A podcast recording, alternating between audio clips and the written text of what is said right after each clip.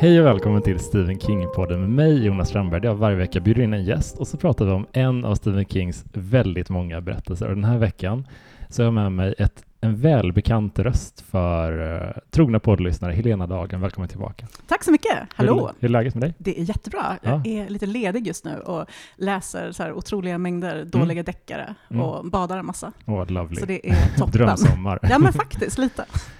i ett sånt mode där jag önskar att jag hade planerat läsningen lite, lite mer för att jag trodde inte jag skulle behöva göra det så mycket för jag tänkte, ja men man är van i sommarmode, man bara plockar upp det som ligger nära. Och så råkade det bli så att jag läste eh, den här och, som vi ska prata om idag, Sleeping Beauties, Mhm. i tät följd med eh, Drömfångare. Det är bara att beklaga vännen. Ja, och jag, jag känner mig så här lite mentalt alltså, överkörd typ, för att det är inte, det är inte två romaner som håller samma nivå. Så långt ska vi inte gå. Och vi kan liksom diskutera det lite närmare senare också. Men det är någonting när det är två lite överlånga eh, böcker som inte är helt jämna i kvaliteten kan vi säga. Så, som, man, som man har back to back. Man Mm. behöver någonting däremellan och jag kände att jag, fan vad jag, ja. Jag gav ju dig en, liv, en livlina Du gjorde veckor. det. Du gjorde det, du sa liksom, ja men det här är en novell som vi kanske skulle kunna titta Mm. på istället. Och, Jag förutsåg detta. och jag bara, nej men det, det, jag fixar det, jag fixar det. Du drabbades av tegelstens övermod. Jag har också Ja. varit där. Ja men det blev lite så. Men eh, jag tog mig igenom den Mm. och eh, har en hel del anteckningar så att eh, ja, den här veckan är det ju lite så här läste den så att ni kanske inte ska behöva göra det för min del. Men vi, ska vi presentera bo- boken? Eh, ja, ja, men precis. Eh, boken som vi ska prata om idag heter Sleeping Beauties Mm. och den utkom i september 2017. Mm. Och det här är lite av en speciell bok ändå, för det är inte bara Stephen King som har skrivit den här. Nej, Han har skrivit den tillsammans med sin son, Owen King. Exakt, den yngsta grabben. Den yngsta, född 77. Ja, eh, har tidigare skrivit bland annat en novellsamling som heter We're all in this together. har du läst den? Jag har läst den. Det var faktiskt så här att jag inköpsönskade den till och med till mitt bibliotek när Mm. den kom. Den kom 2005 tror jag. Och eh, då hade jag precis upptäckt eh, Joe Hill, Mm. som jag tycker är helt otrolig. Ja, Och jag hoppades nog på någonting liknande. Så att jag blev väldigt besviken, för att det här är lite grann som, nej men tänk dig typ den tredje bästa eleven på en skrivarkurs. Inte Biskops Arne, utan någon av de lite mindre, Mm. typ Fridhems eller Sundbybergs folkhögskola. mm. Den novellsamlingen som den personen skriver. Mm. Det är absolut så kompetent, Mm. ganska fina personporträtt. Jag Mm. minns det var en novell som handlar om en familj i New England precis runt eh, presidentvalet Mm. 2000. När man inte riktigt visste ifall det var Al Gore eller. George W. Bush som hade vunnit. Tidsdokument. eller? Tidsdokument, precis. Ehm, så att han kan ju absolut skriva, det vore konstigt annars med Mm. tanke på föräldrarna. Men jag var inte så superpepp på att läsa Sleeping Beauties. Så till den grad faktiskt, så att det här är en av de väldigt, väldigt få mer eller mindre nyutkomna böckerna som har fått stå oläst Mm. hemma hos mig. Mm. Jag minns att jag köpte den när den kom, tyckte Mm. omslaget var snyggt. Och sen ställde jag in den där bredvid, vad det nu var då, boken som hade kommit innan. och sen så fick den stå där Ja. tills Johan Östman Mm. i eh, eftersnacksgruppen Mm. eh, kommenterade när vi hade läst Rose Matter Mm. att det finns en räv Mm. i den här boken. Och då tänkte jag, just det, mm, ja, men det kan vara kul. ja. För att jag älskade Rose Matter, eh, alltså inte älskade rakt igenom, men alltså, de bitar som jag gillade var Det verkligen top notch, väldigt mycket bra. Eh, och jag kan säga att den här räven gillar jag inte riktigt lika mycket kanske. Han är Nej, lite störig. Den här kom ju som du sa ut typ 2017 Ja. och heter på svenska Törnrosor. Mm. Törnros, Törnrosor. Lite Eh, svår att uttala. Ja, där. jättekonstigt. Ja. En av de svagare folksagorna tycker jag. Jag har väldigt svårt för den. Uh, Älskar Maleficent dock. Jo, Och Lana Del absolut. Rey-låten som man gjorde till filmen. Det är sant, den är toppen. Men jag tänker just sagan i sig, liksom, Mm. särskilt Disneyfieringen, den känns som att är det verkligen en långfilm det här? Liksom, känns det inte mer som en liten, ja, skitsamma. Det This one's mostly filler som de sjunger i ja, det, det är lite så. Ja. Men när den här kom ut så läste jag att den, den, det fick lite blandad kritik. Eh, och de som, de som gav den positiva omdömen, eh, de var inne på att eh, det verkade som att samarbetet med Owen hade injicerat lite syre i Mm. Kings eh, författarskap. Och jag köpte det liksom som Mm. en, ett argument, men sen så började jag titta så här i bibliografin. Hur såg det ut kring den här Just det. Det såg jättebra ut Eller hur? Det, det var en fantastisk period. Han hade gett ut 2011, 11, 22, 63. Hans bästa senaste 20 åren tycker jag. Otroligt. Mm. Eh, Joyland och Dr. Sleep Också en som favorit. är liksom Mm. Mr. Mercedes-trilogin. Mhm. Eh, Gwen, första Gwendy-boken kom innan, Mm. precis åren innan kom. Just det, var där jag ställde in boken. Ja. Ja.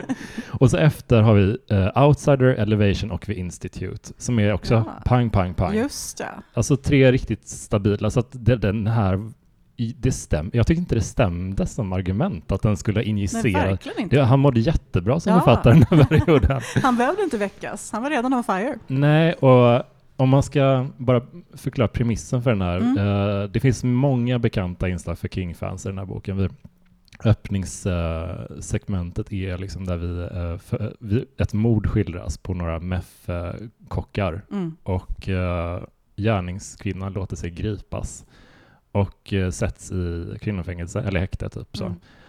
Och kort därefter så börjar kvinnor över hela världen inte vakna upp när de har somnat. Och Precis. eh, de, de, ja, de hamnat i någon klassisk Törnrosasömn helt enkelt. Och få någon så här läbbevit kokong över ansiktet också. Just det. Och ganska snart så märker de män som försöker väcka dem att man absolut inte ska göra det. Mm. För eh, de kvinnor som faktiskt vaknar blir våldsamma och dödar sina män. Ja, exakt. Eh, ja, kan man Lite kanske- som jag när jag bara fått sova två timmar. ja, absolut relaterbart. Mm. Men det problemet med den här boken, för Mm. jag tycker inte Och att... du går rakt in Ja, men, ja, men jag, jag känner lite så här att jag vill bara vara, eh, jag behöver vara ärlig mot den här Mm. boken, för jag känner inte att den var riktigt ärlig mot mig när jag läste den. Nej. Så jag vill ändå, det, det, vi, när, vi öppnar, när man öppnar den här boken så är det, det beror lite på vilken version man har, men du sa att din version hade fyra sidor Mm. av en karaktärslista.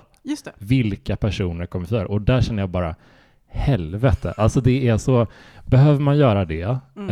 eh, då tycker jag, som inte är författare, men jag tycker verkligen att då borde man, man borde gå tillbaka, eh, stryka karaktärer, man borde slå Mm. ihop karaktärer, se om man kan effektivisera på något Ja. sätt, trimma, trimma. Man ska inte behöva ha en sån Nej. konsulterande lista. Jag tycker att det finns ett eller två tillfällen då det som författare är okej Mm. att använda eh, personbeskrivningar. Mm. Dels är det de här gamla härliga pusseldeckarna från 50 och 60-talet. Ja. Min älskling Maria Lang Mm. gjorde alltid det till exempel. Vic Sunesson gjorde det ofta, Ja. Stig Trenter. Mm. Och det har ju att göra med att man redan där som läsare börjar lägga pusslet. Då Ja, får man okej. en Ja, liten men det- rolig beskrivning. Då fyller det en funktion då.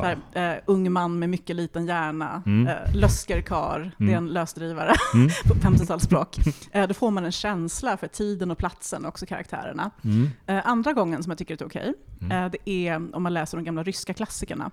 Ja, för det är alltid många också där. Det är också många, men dels så har vi det här med att alla, eh, alla karaktärer har typ hundra smeknamn. Al- Alexander heter inte bara Alexander, han heter Sasha Vanja och Sasha ja. och bla bla bla. sant. Så då måste man sitta och bläddra fram och tillbaka för att kolla, så här, men var är den där Sasha nu egentligen? Det är sant i och för sig. Så då Eh, tänker jag att det är lite, mm. eh, lite befogat. Men okej. här blev jag nästan lite trött bara när jag såg så här, fyra sidor. Ja, det är, det är inte ett välkomnande anslag. Eh, och Under the Dome hade jag också det faktiskt. den hade det, ja. Mm, jag gick och kollade i boken. Ja. Då undrar jag lite, för jag har inte dubbelkollat där, men det känns inte som att Pestens tid hade det. Nej.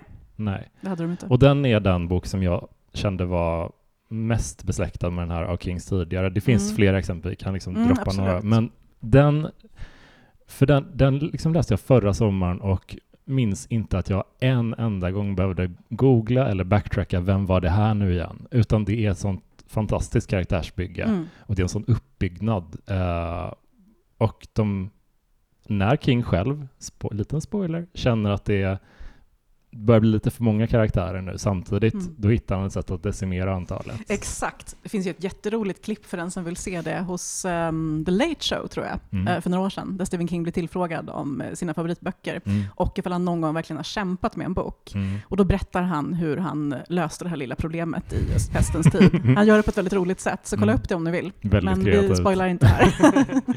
Nej, men, och då, då känner jag liksom att om King själv har gjort det här med Mm. framgång en gång tidigare, då borde han veta hur man gör, känner jag. För att Mm. premissen är ju lite tillräckligt annorlunda för att det ska kännas som en ny kul idé. Han har i intervjuer berättat liksom att när Owen, som tydligen kom på premissen, Mm. kom, med honom, kom till King med den här idén, så tyckte han att det var en spännande grej. Mm. Att han, det, här, det här borde vi göra någonting på. Så att premissen är intressant, men eh, det, det, konsekvenserna av den här sömnen som liksom drar Mm. Aurora-smittan kallar de det. den. Det är bra namn. Det är jättebra, och, men konsekvenserna det, det liksom nämns i små förbipasserande, alltså bara passager. Typ. Mm, jag hade velat se mycket, mycket mer av det. Mm. För grejen är att det finns så många embryon till bra saker här. Mm. Jag drog jättemycket paralleller till eh, det som har skett i världen de senaste 10-15 åren. Så här, mäns våld mot kvinnor, Mm. de där upploppen i Indien, då män faktiskt brände upp kvinnor. Kommer du ihåg det? Det var en så fruktansvärd eh, överfallsvåldtäkt, massvis med män på en ensam kvinna. De Mm. eldade väl upp henne också.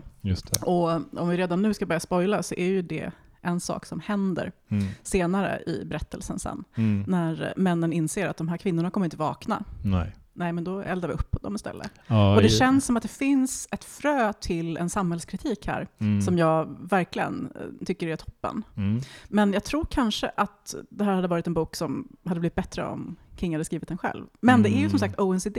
Mm. Och jag kan ju fatta att man vill ju göra saker med sina barn. Ja, och jag, jag kan ändå så här, om man ska dra det som jag tycker ändå funkar Mm. helt okej med den här boken är ju liksom att jag tycker inte att det känns som att den är skriven av två personer. jag upplever att det finns en röst, en författarröst rakt Mm. igenom. Och sen så är inte jag helt hundra alltid på att det är, det känns annorlunda än King brukar Mm. göra. Så att någonting är det ju som är gruml, för, gör det grumligare där. Men eh, jag tror, tror det största problemet är att den känns lite för otydlig. Att det, det pågår för många, för många onödiga alltså Mm. småhandlingar hela Mm. tiden som, som inte heller skapar ett per- helikopterperspektiv riktigt som man hade behövt. Utan det blir verkligen att det blir mängder med små nedslag hos Mm. personer som påminner ganska mycket om varandra Mm. ibland. Och det tycker jag inte, så tycker jag inte King brukar göra. Jag tycker Nej, han brukar mm. distinkta röster till alla Ja. karaktärer. Jag håller verkligen med och jag tror att det här har med perspektivet att göra. Mm. Jag hittade ett klipp från eh, Good Morning America Mm. där både Steven och Owen var med och gjorde reklam för Sleeping Beauties. Mm. Och då fick de frågan, hur gjorde ni egentligen rent praktiskt med den här Mm. boken? Och då berättade Steven att eh, de bestämde vem som skulle skriva vilka delar. Mm. Så skrev de kanske 20-30 sidor var, och så Mm. skickade de fram och tillbaka till varandra och redigerade varandra. Mm. Tills det som Steven sa då uppstod en tredje röst. Mm. Och det tycker jag att det gör, för man känner inte riktigt igen King här. Det är Nej. inte riktigt hans vanliga röst. Och man saknar ju också de här glimrande formuleringarna Mm. som man ändå vant sig vid nu. Verkligen. Och jag tror att det är just det här tredje perspektivet som Mm. är problemet, att det blir lite utslätat. Ja. Och sen är det ju precis som du säger, det är karaktärerna. Jag har några som jag gillar som jag vill lyfta lite grann. Mm. Eh, Frank tyckte Mm. jag var en intressant karaktär. Mm. Han är ju inte en good guy, Nej. Eh, tvärt. Mm. Han hade ju dragit iväg med Randall Flagg om han var med i Västens tid. Men anledningen till att jag tycker att han är intressant ändå, är att han har, så som väldigt många män, självbilden av att han är en bra person. Han är en schysst kille. Mm. Han står upp för sin fru som han har ett ganska dåligt förhållande till. Mm. Han eh, hoppar in och räddar sin dotter fast hon Mm. inte behöver bli räddad. Han har lite så här savior complex. Just det. Och eh, första scenen med honom så tyckte jag ändå om honom ganska mycket för han jobbar ju som någon slags animal control person Ja. i Dueling, West Virginia, där Mm. den här boken utspelar sig. Mm. Och eh, då får ju han i uppgift att eh, hjälpa till med en stackars katt som har blivit så illa påkörd så att eh, den måste avlivas. Just det. Och det är en väldigt sorglig och fin scen. Och där tycker jag ändå att man gillar honom, för att då har han ett resonemang som jag verkligen håller med om, som är att eh, om en person inte ens förmår tycka om ett djur, så är det väldigt, väldigt illa ställt Mm. med den människans eh, psyke och Mm. känsloliv. Om man inte ens kan förmå sig att bry sig om en hund eller katt, hur ska man då kunna bry sig om en människa?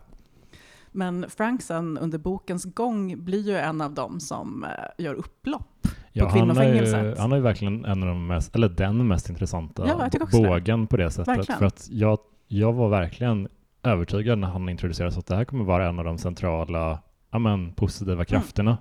Mm. Han kändes som en liksom, Stephen King straight guy. Ja, exakt. Väldigt uh, snyggt skildrad. Mm. Liksom.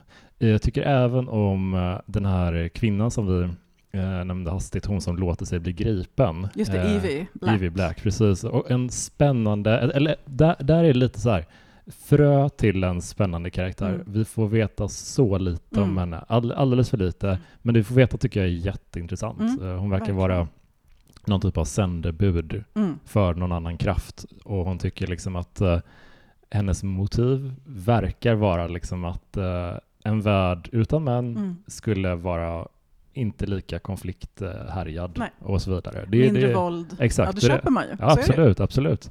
Så att hennes idé är ju intressant, eh, men jag tycker att problemet, ja, det är inte singularis, men eh, ett problem med hur den här berättelsen är strukturerad uppstår lite i eh, när de hoppar till den här andra världen också, där kvinnorna då hamnar när de är i Mm. Just den här sömnen. Our world. Jag tycker inte att den är speciellt intressant. Ehm, Det, det finns någon postapokalyptiskt anslag där som Mm. ändå är, har någonting, Mm. Eh, men det, det skiftar sån, så ton så kraftigt så att jag... eh, Vad, vad tyckte du om den? Alltså jag gillade de bitarna, men det som Okej. jag kände är att det dröjde alldeles för länge innan kvinnorna somnade. Mm. Och här kanske det också spelar in att jag var väldigt trött när jag läste den här boken, för jag hade varit ute och rest och Ja. sovit i en ganska smal eh, engelsk säng med eh, två svettiga barn. Så att jag vaknade om och om igen och smygläste den här tjocka boken i mitten av sängen. Mm. Och jag minns den här scenen när Laila, som är sheriff, Mm. en till karaktär som jag gillar för Mm. övrigt, eh, verkligen kämpar mot Mm. sömnen. För då vet ju hon att om jag somnar så kommer jag kanske inte vakna igen. Det kommer jag få, Mm. eh, the Aurora virus. Men då minns jag att jag tänkte bara, men herregud, somna! Ja. för att då eh, drömde jag själv om bara få sova. Mm. Ehm, nej, men jag tror att de hade kunnat göra mycket mer Mm. av Our World. Den kändes ju eh, lite, lite besläktad med Rosemary-världen där Mm. som Precis. du touchade på i början. Ja, Mm. nej, men om jag skulle eh, pitcha den här boken och jämföra med andra King-böcker så skulle jag nog säga att det är en blandning av Under the Dome och Rose Matter. Mm. För vi har eh, det här liksom väldigt breda, vi har en hel stad Mm. och deras invånare som råkar ut, nu är det för sig hela världen, men det är väldigt mycket fokus på eh, den här väldigt fattiga lilla staden i West Virginia. Mm. Och där tänker jag att, tror inte du att det här är djupt påverkat av Stephen Kings tv-vanor? Mm. Han älskar ju till exempel Sons of Anarchy, det. han gillar The Ozarks, eh, vad heter den där meth-serien Ja, som alla killar Bad. kollar på? Breaking Bad. Ja, Precis. Det. Eh, så det känns som att han kanske har hämtat lite inspiration det- från definitivt. den typen av berättelser. Mm. Och just det gillade jag väldigt mycket faktiskt. I Mm. början var jag så här, "Ha, hade det inte kunnat vara Maine, det hade varit kul om man kunde gifta ihop det med Mm. en annan del av King-universat. Men Mm. ju mer jag läste sen så kände jag att just det tyckte jag faktiskt om. För att det här är en del av USA som väldigt ofta hamnar i skymundan. Mm. Och jag läste nyligen en jättedeppig artikel om att um, medellivslängden i USA för första gången sedan 1979 börjar gå tillbaka. Mm. Och det tror man har att göra med um, alla opiater som Mm, kastas runt. Så att man, Mm, man får så himla mycket smärtstillande medicin utskrivet Ja. som är så farlig så att man överdoserar Mm. hela tiden. Och um, då är ju just uh, Appalacherna, där den här Mm. boken utspelar sig, är Mm. lite överrepresenterad där. Är inte det där vandringsstråket som går genom de här enorma skogen? Jo, precis. Ja, och det är ett jättestort geografiskt område. Det går ju hela vägen från eh, Pennsylvania nästan Mm. bort till eh, typ Tennessee tror jag nästan. Just det. Men det är ett väldigt fattigt område Mm. och det finns minst en meth cook i Mm. varje stad. Så därför är det ganska kul faktiskt, att återgå till det här persongalleriet, att första personen som står där, han är meth cook. Mm. Mm. Ja, men det, det, alltså, det finns... Jag fick lite så här också i början, innan jag började... Kan du känna så ibland att man läser en bok, att man bestämmer sig en bit in, vad tycker jag om det här? För Mm. så kände jag typ, jag gillade den lite i början, Mm. var ändå så här, försökte vara öppen och Owen verkar liksom inte vara en superruttad författare. Nej. Man försöker vara lite öppensinnad Mm. kring det. Mm, Så, så att när Ivy introducerades precis i början, då tänkte jag direkt på den här uh, århundradets storm och hur Ja. Andrea Linoche låter sig Mm. bli gripen efter det här mordet precis, i början. Mm. Gillade det, det också, Mm. så här, som en liten blinkning och Sen måste vi också nämna det här med att Ivy heter Black i efternamn. mm, just det. Då kan man ju börja fundera lite grann på vem den här större kraften är Mm. som har sänt ut henne. Ja, hon nämnde ju vid ett tillfälle att när hon frågas om sitt namn att det kan inte uttala. Mm. Eh, så, så att, lite Lovecraft-vibbar kanske. Ja, ja, lite. Kanske att Randall Flagg finns där någonstans också. Det kanske jag gör. Eh, jag tänkte också att det var så här otroligt mycket eh, naturgudinne-vibbar kring henne typ. Det älskade jag. Ja, måste det jag tyckte säga. jag också var intressant, Mm. att det finns någon sorts Ja, men jag har börjat fastna rätt mycket för när King plockar in Mm. den här lite grekiska, Mm. den eh, nordiska mytologin Verkligen. i sina... Det, det är väldigt eh, fascinerande. Mm. Och Jag, jag var nog lite tvärt emot dig, för jag Mm. kämpade ganska mycket i början. Mm. För det var ett tag sedan jag läste en så himla tjock bok Mm. av King. mm. Och så hade jag precis innan, på tal om att planera sommarläsningen, bestämt vilka böcker jag skulle läsa i sommar. Och såg jag, men gud, den här kommer ta flera veckor. Mm. Så här, mitt, mitt, schema, mitt schema kommer bli ruckat. Eh, men sen så kom jag hem från England och var själv en vecka. Och då tog jag med mig den här boken varje dag till en liten badplats som ligger nära där jag bor. Mm. Och då hoppade jag ner i vattnet och simmade. Och det här är en här mörk, nästan svart liten kärn Mm. där det finns väldigt mycket liv och rörelse. Man ser liksom hur fiskar hoppar, ibland så Mm. kommer en orm förbi simmande. Mm. Eh, Jag gillar verkligen det. Mm. Och jag kände mig nästan som Ivy ibland när jag simmade runt där. Jag tycker det finns något väldigt fint i att vara i synk Mm. med naturen. Verkligen. Alltså det är ju väldigt flummigt och det är säkert för att jag på gymnasiet hade en väldigt kort Wicca-period. Jag tyckte det var väldigt coolt. Mm, nej, men jag, Men jag har aldrig riktigt kommit över just den biten tror jag. Det här med att Mm. man kan ha kraftdjur och att man är en del av ett större kretslopp. nej, men jag tycker det är där. jättefascinerande. Det, det berikar ju Mm. verkligen... Alltså, det är ett sånt element som tillför den här boken Verkligen. någonting Det är nog det finaste nästan. Ja, De här malarna som håller på att fladdra runt också, de tycker jag om. Ja, absolut. Eh, det var någon grej jag tänkte på. Eh, jo, jag tror, jag tror att ett, ett problem är att, som jag upplever det med den här, är att det brakar lös alldeles för fort. Mm. Att eh, det, det liksom finns ingen noll build-up överhuvudtaget. Om man jämför med Under the Dome då som Ja, om man vill vara snäll kan man dra släktskapet till presentativ. Vill man Mm. vara lite mer ärlig så kan man, som du säger, Ja, Under the Dome. Jag tror vi kör på det sistnämnda. Ja, jag tror också det. För att, men om man jämför med den så upp, uppbyggnaden i, i den är ju mycket mer effektiv Mm. tycker jag. För att då vi följer liksom ett antal personer som bor i den här Chesterfield Mill, den här staden, precis innan den här Mm. kupolen slår ner över dem. Och vad som händer med, det är något plan som bara klyvs på Exakt, och det mitten. är en fågel som bara åker rakt in. ja, otroligt effektfullt. Mm. Eh, Det tyckte jag jättemycket Mm, om och det, var, det fick mig att vara kvar hela den Mm. boken. Så ett anslag kan ju verkligen få en bara Mm. rida på den vågen Mm. sen.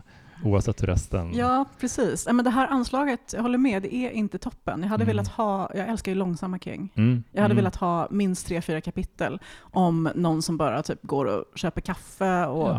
eh, sitter och tittar på fåglarna Mm. och kanske snackar skit med någon granne. Mm.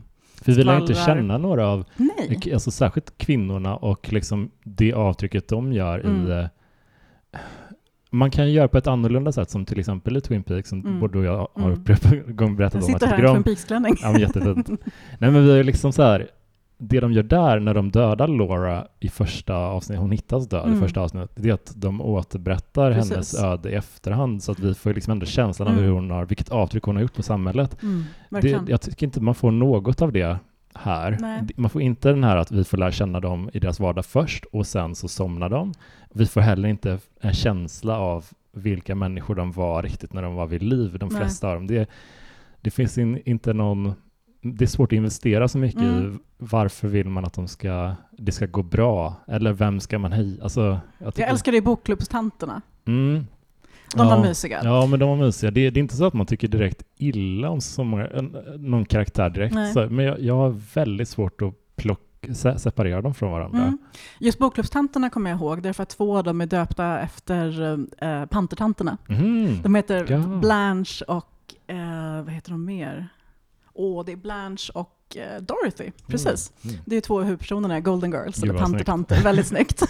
och där så märker man ju ändå, nu känner jag att jag är väldigt välvillig här, men eh, de har ändå haft kul när de har skrivit den här boken. Mm. Och om vi ska bara dra lite litterära reffar som finns här, Mm. så finns det ju otroligt mycket av det. Mm. Eh, till exempel så läser ju en vakt på fängelset en Dean Koontz bok. Mm. Och eh, då går ju Laila, sheriffen, förbi och säger att ah, men det slutar med att det är en labrador som räddar alla. och då skrattade jag högt, för att eh, det, alltså, det begränsar ju inte riktigt listan över vilka Dean Koontz böcker det här skulle kunna vara. För det finns ju väldigt många magiska labradorer i hans universum. Så det var kul. Och sen också på fängelset eh, så nämner de att det finns böcker av Peter Straub och Joe Hill till exempel. Just det. Precis. Och, eh, sen, och det som händer sen är ju att det blir ju ett upplopp Mm. på kvinnofängelset. Mm. När det här väldigt obehagliga mansgardet som åker runt och är förbannade över att kvinnorna inte går att väcka Mm. bestämmer sig för att de ska spränga sönder kvinnofängelset. Mm. Då är det bland annat en eh, ung tv-journalist som har kommit dit för att träffa sin mamma Mm. som är fångdirektör där, men hon har redan hunnit somna. Eh, Så hon tar jättemycket knark Mm. och där tänker man kanske att eh, Steven har haft nytta av han har grävt lite där han har stått där. Det är mycket kokain i den här Mm. boken.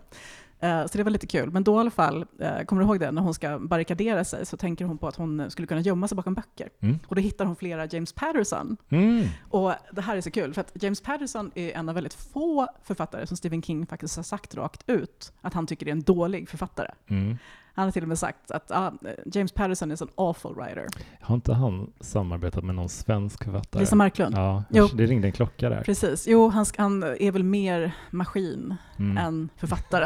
och jag tror att han lejer ut väldigt mycket till sina så kallade medarbetare. Ja. Och eh, väldigt kul också att eh, James Patterson för några år sedan ville skriva en bok som skulle heta The Murder of Stephen King. Mm. Men Stephen Kings eh, management lyckades eh, få bort den boken. Hatar han honom som, eller är det en, eh, ett agg som uppstått efter att King har Jag tror det. honom? Jag tror det, för Ja. grejen är att King har bara sagt eh, egentligen dåliga saker om två författare och det är Patterson och så är det Stephanie Meyer. Twilight. Ja, eh, Twilight-författaren. Och det var i samma intervju. Ja. Så att annars är han väldigt välvillig. Sådär. Han är väldigt välvillig och Mm. det rekommenderar ju ofta Mm. väldigt många olika typer av författare. Så Precis. att, eh, ja, det säger ju ganska mycket. Det säger en del. Så jag skrattade gott när jag såg att James Patterson-böckerna bara flög åt helvete medan Michaela klarade sig. Men jag tänker så här, om, om den skulle, om man skulle vara lite konstruktiv med den. Mm. Jag tänker typ att, eh, det här är återigen bara liksom ett personligt intryck, men jag tänker att jag hade nog tyckt mer om den om vi inte visste 100% säkert vad hände med Mm. kvinnorna när de har gått i den här dvalan. Liksom. Exakt. Eh, det tar, för mig tar det bort lite av mystiken och det kanske är därför jag har lite svårt för den aspekten när vi får reda på att de vandrar omkring i den här drömvärlden på andra sidan.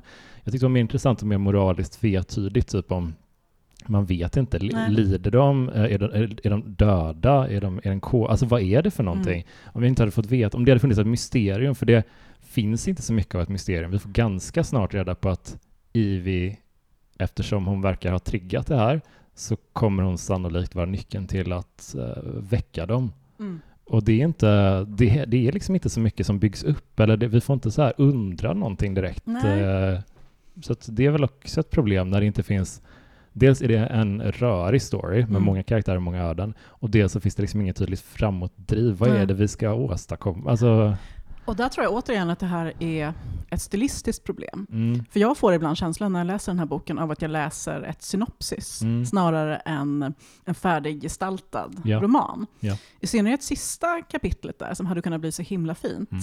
När Laila, lite som en spegling till Rose Madder, går tillbaka till den här platsen, mm, trädet, där de kom ut.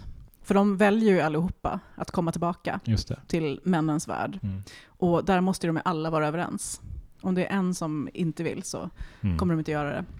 Men alla är överens. mm, Ehm, och den sista scenen sen när hon återvänder dit och sörjer de som inte kom tillbaka ut och eh, tänker på sin egen roll i det hela och eh, allt det där hade kunnat bli så himla fint. Mm. Men där är det så, det är så korta meningar, det är en slags kursivering. Jag gillar ju kursiveringar annars och saknade dem faktiskt lite grann här. Mm. För att i vanliga fall när eh, Stephen King låter oss hoppa in i personernas eh, hjärnor så blir det ofta en kursivering. mm, Och det finns inte här överhuvudtaget. nej.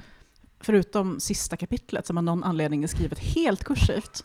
Och det är liksom bara korta, korta stödord nästan. Ja. Av, av en scen som hade kunnat bli så, men jag tänker bara på slutet i Rose Matter som Mm. är så himla vackert och stämningsfullt. Ja, ja. De hade kunnat göra något liknande här. Ja. Men istället var det bara, nej men du Owen, ska vi gå och ta en tidig middag nu? ja, men den, den känns ju överlag, den ger ett slarvigt Mm, intryck. Och Verkligen. jag, när jag berättade i vår Facebookgrupp till den här podden eh, så eh, nämnde jag att ja, men det här var en av de kommande böckerna Mm. och då var det någon, jag kommer inte ihåg vem tyvärr just nu, som sa typ att, och jag har hört det här ett par gånger om den här boken, att den är, den är inte så dålig som man tror. Det var någon som sa ja. Ja, och då känner jag direkt att aj då, det, det, då måste, man måste vara på ett förlåtande humör när man läser en bok. Det är, Mm. Eh, Det är lite som när man träffar en kompis nya kille och man tänker så här, men han slår henne inte i alla fall. Ja, ja jag, jag tycker det är, det är, så, det är så tråkigt att bli besviken Mm. av en bok, alltså för att jag liksom försöker nu av naturliga skäl för podden, men alltså i allmänhet försöker jag inte lägga ifrån mig en bok i förhand, utan vara lite mer selektiv innan istället, så att man,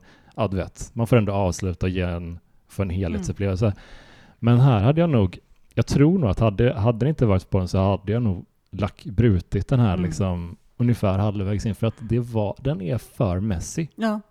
Det, det är inte en det är inte en välskriven roman. Alltså det, det finns liksom ingen, inga, inga, vad ska man säga, inga, ingenting att investera sig i. Vi vet inte riktigt vad vi är hela tiden. Vi vet, vet inte riktigt vad problemet är, liksom, eller hur vi ska lösa. Ja, du vet. Alltså det säger ganska mycket att jag är ju mer känslomässigt investerad i ifall de här kvinnorna i bokklubben hinner läsa ut Atonement av Ian McEwan, än ifall de faktiskt kommer somna och var de hamnar. Ja. Det var faktiskt en av mina notes. Här, ah, Mm. kul att de läser Atonement. Mm. Och när jag hamnar på den mikronivån Mm. så vet man att okej, det kanske inte var en toppenbok ändå. Nej, och, Även om Atonement är en fantastisk roman. och det, det är ju, jag, kan också ömma verkligen för i, i, jag tror det är i Night Shift eller Skeleton Crew där King har en dikt eller typ en liten Ah, Skeleton Crew. Det är den, där han, oh, dikten till Owen Brook, typ. ja, just det. Han har Mm. gjort en som heter Brooklyn August och så Just det. en som heter Heads Down som handlar Ja. om när Owen och hans Little League-lag Mm, spelar baseball. mm,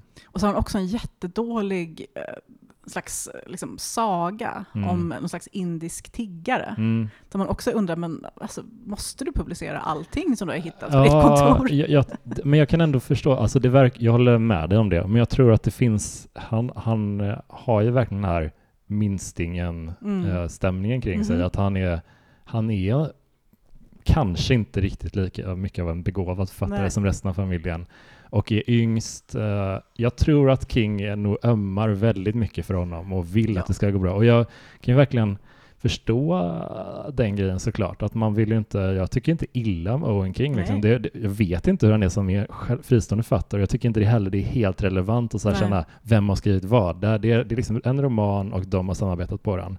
Men jag tycker typ att det, det räddar inte. Alltså, ja, men det, det finns en, podd, en filmpodd jag lyssnar på där de även när de sågar en, en film så brukar de säga typ så här eh, In the end it's uh, a miracle that the, the movie got made. Mm. För att det är väldigt svårt att få en Mm. film gjord. Ja, men verkligen. Så att jag är inte riktigt så här, för jag tycker inte att den här kanske... Det är inte så att man önskar att den inte hade blivit skriven. Det är Nej. intressant att få inblick liksom Mm. i hur han påverkas av att samarbeta med en annan person.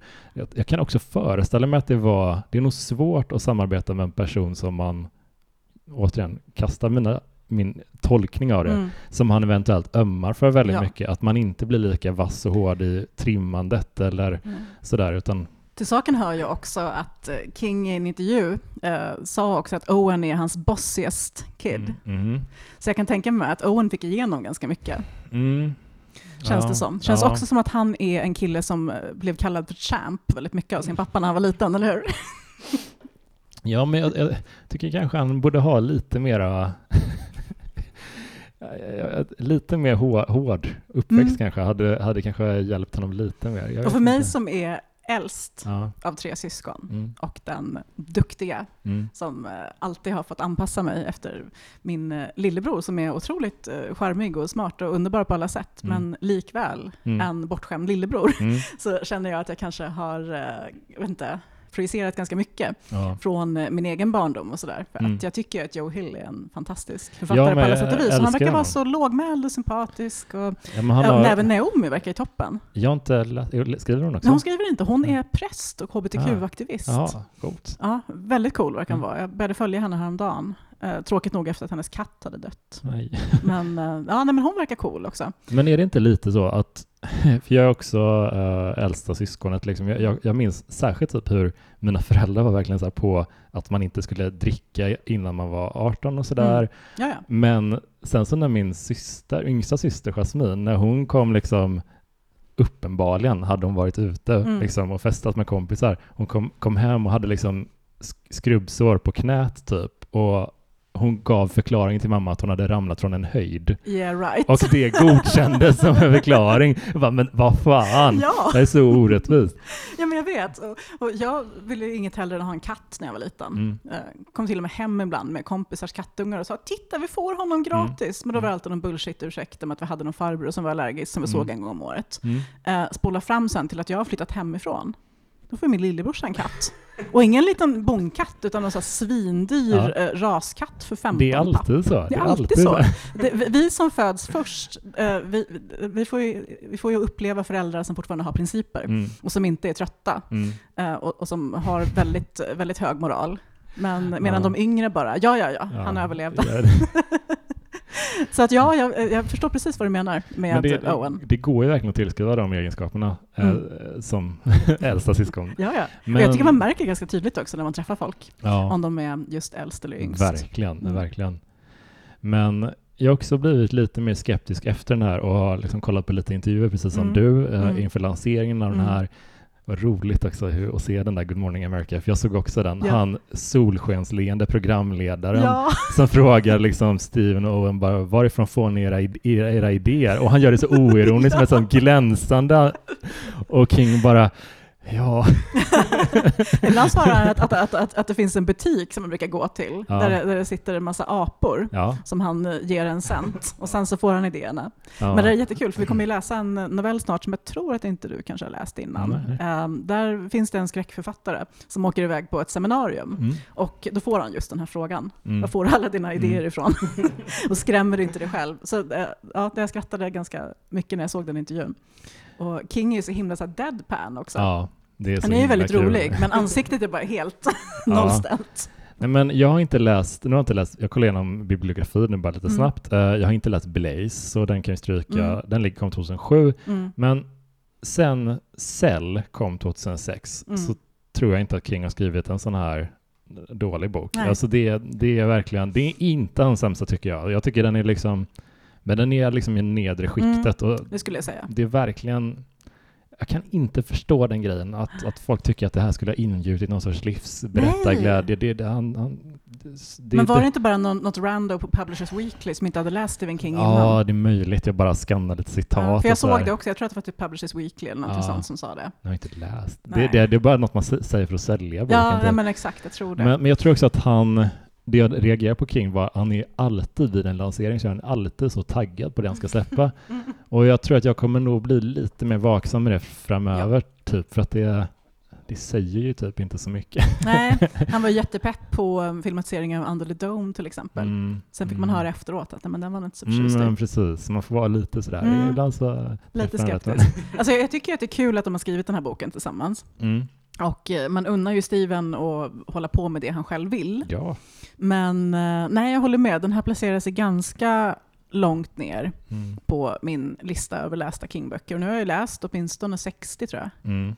Så att säga att den kommer på plats 52 kanske. Ja. ja, men jag, ja, precis bland de sämsta tio Mm. av hans romaner skulle jag Ja, säga. men det skulle jag faktiskt säga. Och då är det ändå så att det här är ju en roman som åtminstone för mig kanske väckte mer intressanta idéer än vad själva utförandet Mm. gjorde. Mm. Jag tänkte jättemycket till exempel på det här som Laila säger, eh, när hon börjar känna sig riktigt, riktigt trött och också förstår vad Aurora-viruset medför. Mm.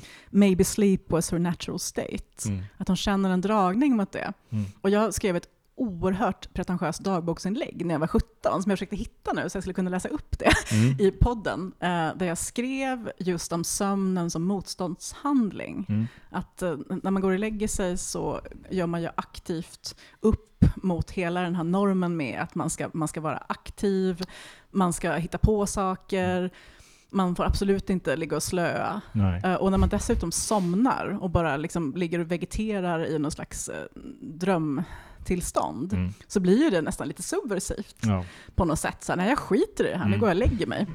Eh, och det kunde jag verkligen uppskatta. Och jag tänkte också ganska mycket på när jag var småbarnsförälder. Mm. Apropå någonting som Ivy säger sen också, när hon pratar med eh, fängelsepsykologen Clint. Mm. Han, frågar, han frågar utifrån Freuds den här frågan, vad, vad är det kvinnor vill? Just. Och då säger hon att ja, men det enda kvinnor vill ha är a nap and earrings that go with everything. Det var det, var, väldigt kul. Eh, Och det tänkte jag på alla de här nätterna och dagarna där jag Ja. bara gått runt i någon slags uh, groggy state Mm. och inte velat någonting annat än att sova. Och de bitarna hade kunnat gestaltas så mycket bättre, Mm. tycker jag, än vad de faktiskt gjorde. Verkligen. Ja, men jag tycker att hon, det, några av de mest lyckade inslagen står hon för. Mm. För att hon har många av egenskaperna vi, vi älskar hos Kings skurkar. Den här lite Loki-artade lekfullheten. Kul att hon är kvinna också. Mm, Jätte, jätteroligt. verkligen. Eh, och det fyller ju en riktig funktion. Alltså att hon är, att, Mm. eller att hon är ett kvinnligt väsen, ish. I alla Hon har också rätt i sin analys Ja, ja. i sak. Verkligen. verkligen. Och det var också en grej som jag pratade med min bästa kompis om sen. Så att jag har Mm. haft väldigt mycket intressanta diskussioner om den här boken. Mm, mm. som det kanske inte riktigt förtjänar. Men jag drog storyn för min bästis, som också är tjej då. Eh, Och hon tyckte så här, wow, gud vilken cool idé. Och så började Mm. vi prata om just det här, men om vi nu skulle få en möjlighet att börja om Mm. utan män, utan våld, utan krig, Mm. eh, utan alla de där sakerna.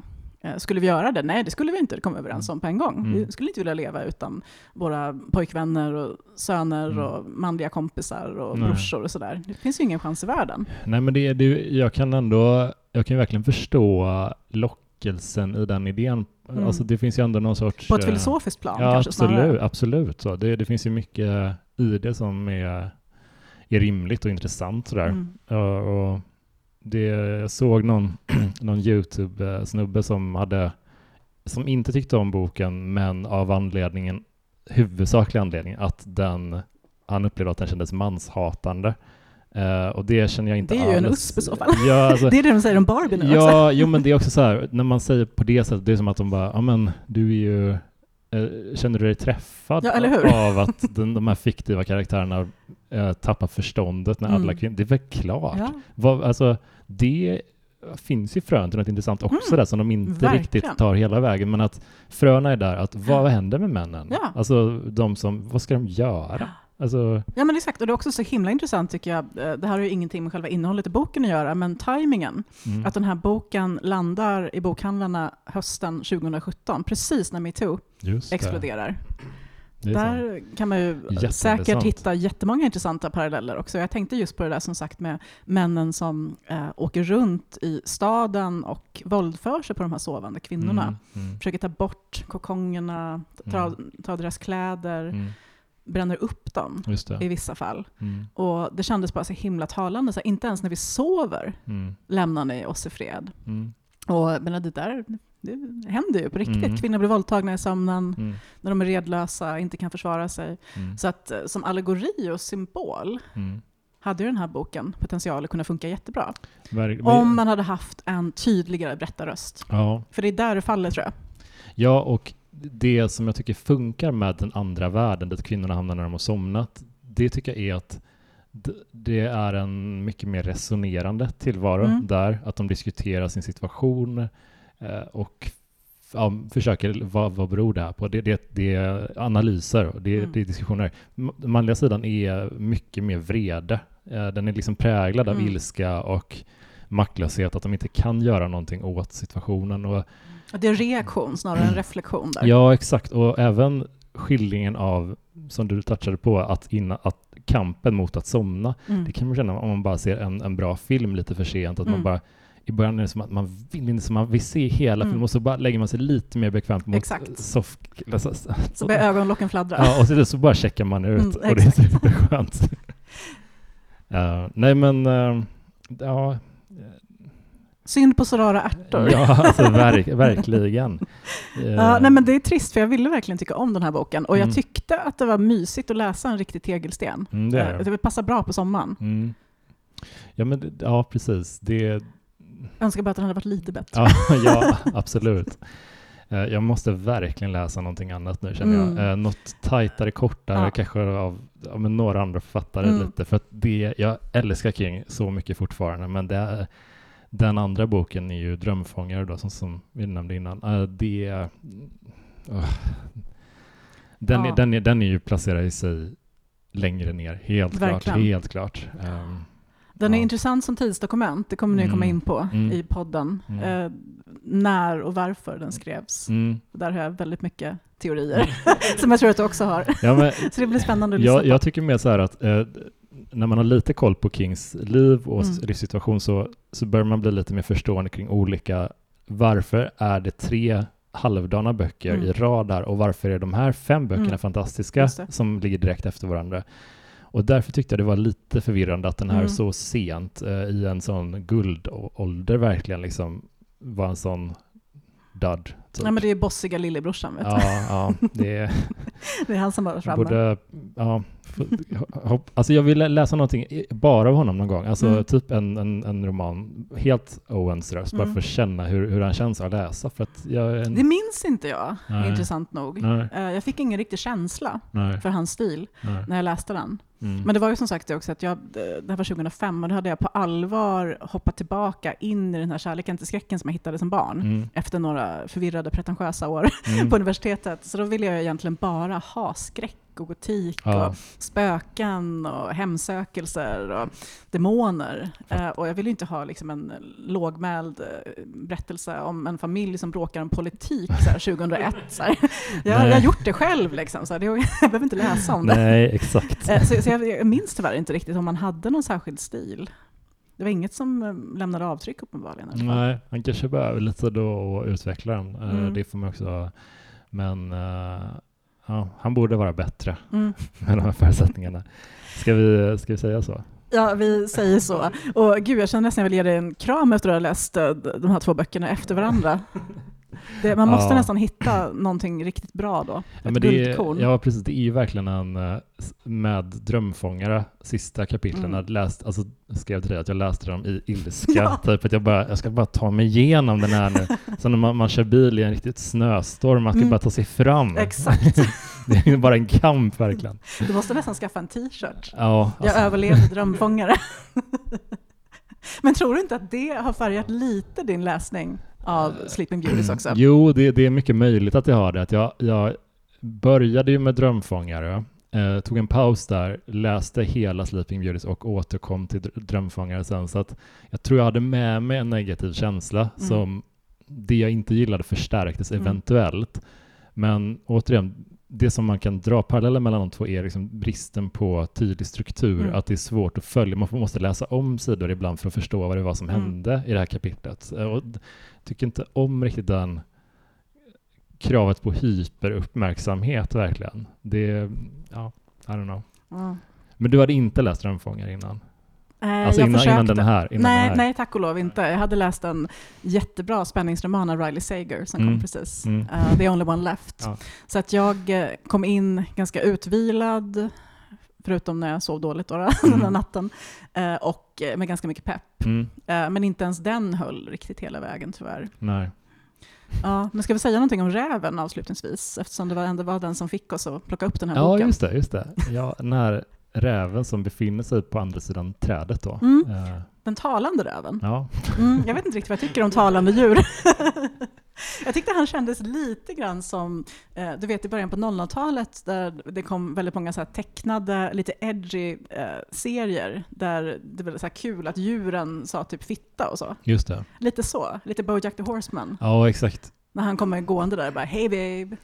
Ja, och eh, jag, jag gillar ändå att man har varit transparent i liksom vilken situation jag läste den här, för att det får Mm. liksom, lyssnarna får ta det i beaktande Mm. om de vill. Eh, men jag tror att när den räven introducerades i boken så kände jag nog, och en grej till. Exakt. Alltså det var lite så att, nej men gud, vi har en skurk, vi har liksom typ två sidor, vi har två fraktioner, vi har ett kärnproblem Mm. som behöver lösas. Och så kommer den här grejen En också. talande räv och en tiger. Ja, men jag kände lite så när karaktären, det, det enda jag hade svårt för i The Stand, när karaktären The Kid introducerades i den långa versionen av den längre versionen, Mm. då var det så, en grej till. Mm. Det, det, det brukar jag inte känna mig kring, men ibland så är det lite för inget filter på idéerna, utan det är bara Nej. pang. Och jag är ju också väldigt, väldigt förtjust, som jag pratat om innan i podden, i de här väldigt nära skildringarna. Mm. Eh, Ofta första person Mm. eller väldigt begränsat. Alltså det, Just det. säger väl någonting att Gerald's Game till exempel är en av Mm. mina favoriter. Det är ju Mm. ett kammarspel. Ja, ja, Där det egentligen underbar. bara är en kvinnas medvetande. Samma sak med mm, Dolores Claiborne. Mm. Isolerad ö, en kvinnas långa rant från början till slut. Eh, Det är ju mycket lättare lättare tycker jag att verkligen älska en bok Mm. om man kastas in i en, eller i bästa fall kanske ett par Ja. karaktärers medvetanden. Mm. För då, som vi var inne på innan, då, då förstår man dem, man kan särskilja dem, de får sina olika röster. Det brukar ju vara styrka med Kings småstadsperspektiv, att det. blir ett mikrokosmos Mm. liksom, men nu, nu kändes det ändå som en betydligt större värld än vad det var. Mm. Och det, Och det är ju en liten stad. Ja, jätteliten stad. Men vi får följa alla invånarnas Ja. livsöden ungefär. Kanske lite onödigt. ja, nej, förlåt Steven och Owen, men Ja, ja, ja, men, det här var eh, inte min favorit. Nej, nej, absolut inte. Och, äh, ja, uttryck gärna era eh, känslor oavsett vilket håll de sticker iväg åt kring den här Mm. boken i Mordhot kan skickas till eh, Jonas Strandberg. Eh, tack eh, för att du var med Helena igen. Tack, och, alltid eh, kul. Jag har en berättelse på gång åt dig som jag tror att du verkligen kommer gilla. som vi kan läsa Jag ber om ursäkt för mitt dåliga humör idag, men det, det blir så ibland. Ibland blir det så. Ja. Och tack så mycket för att ni har lyssnat på det här avsnittet så hörs vi snart igen. Hej då! Hej då.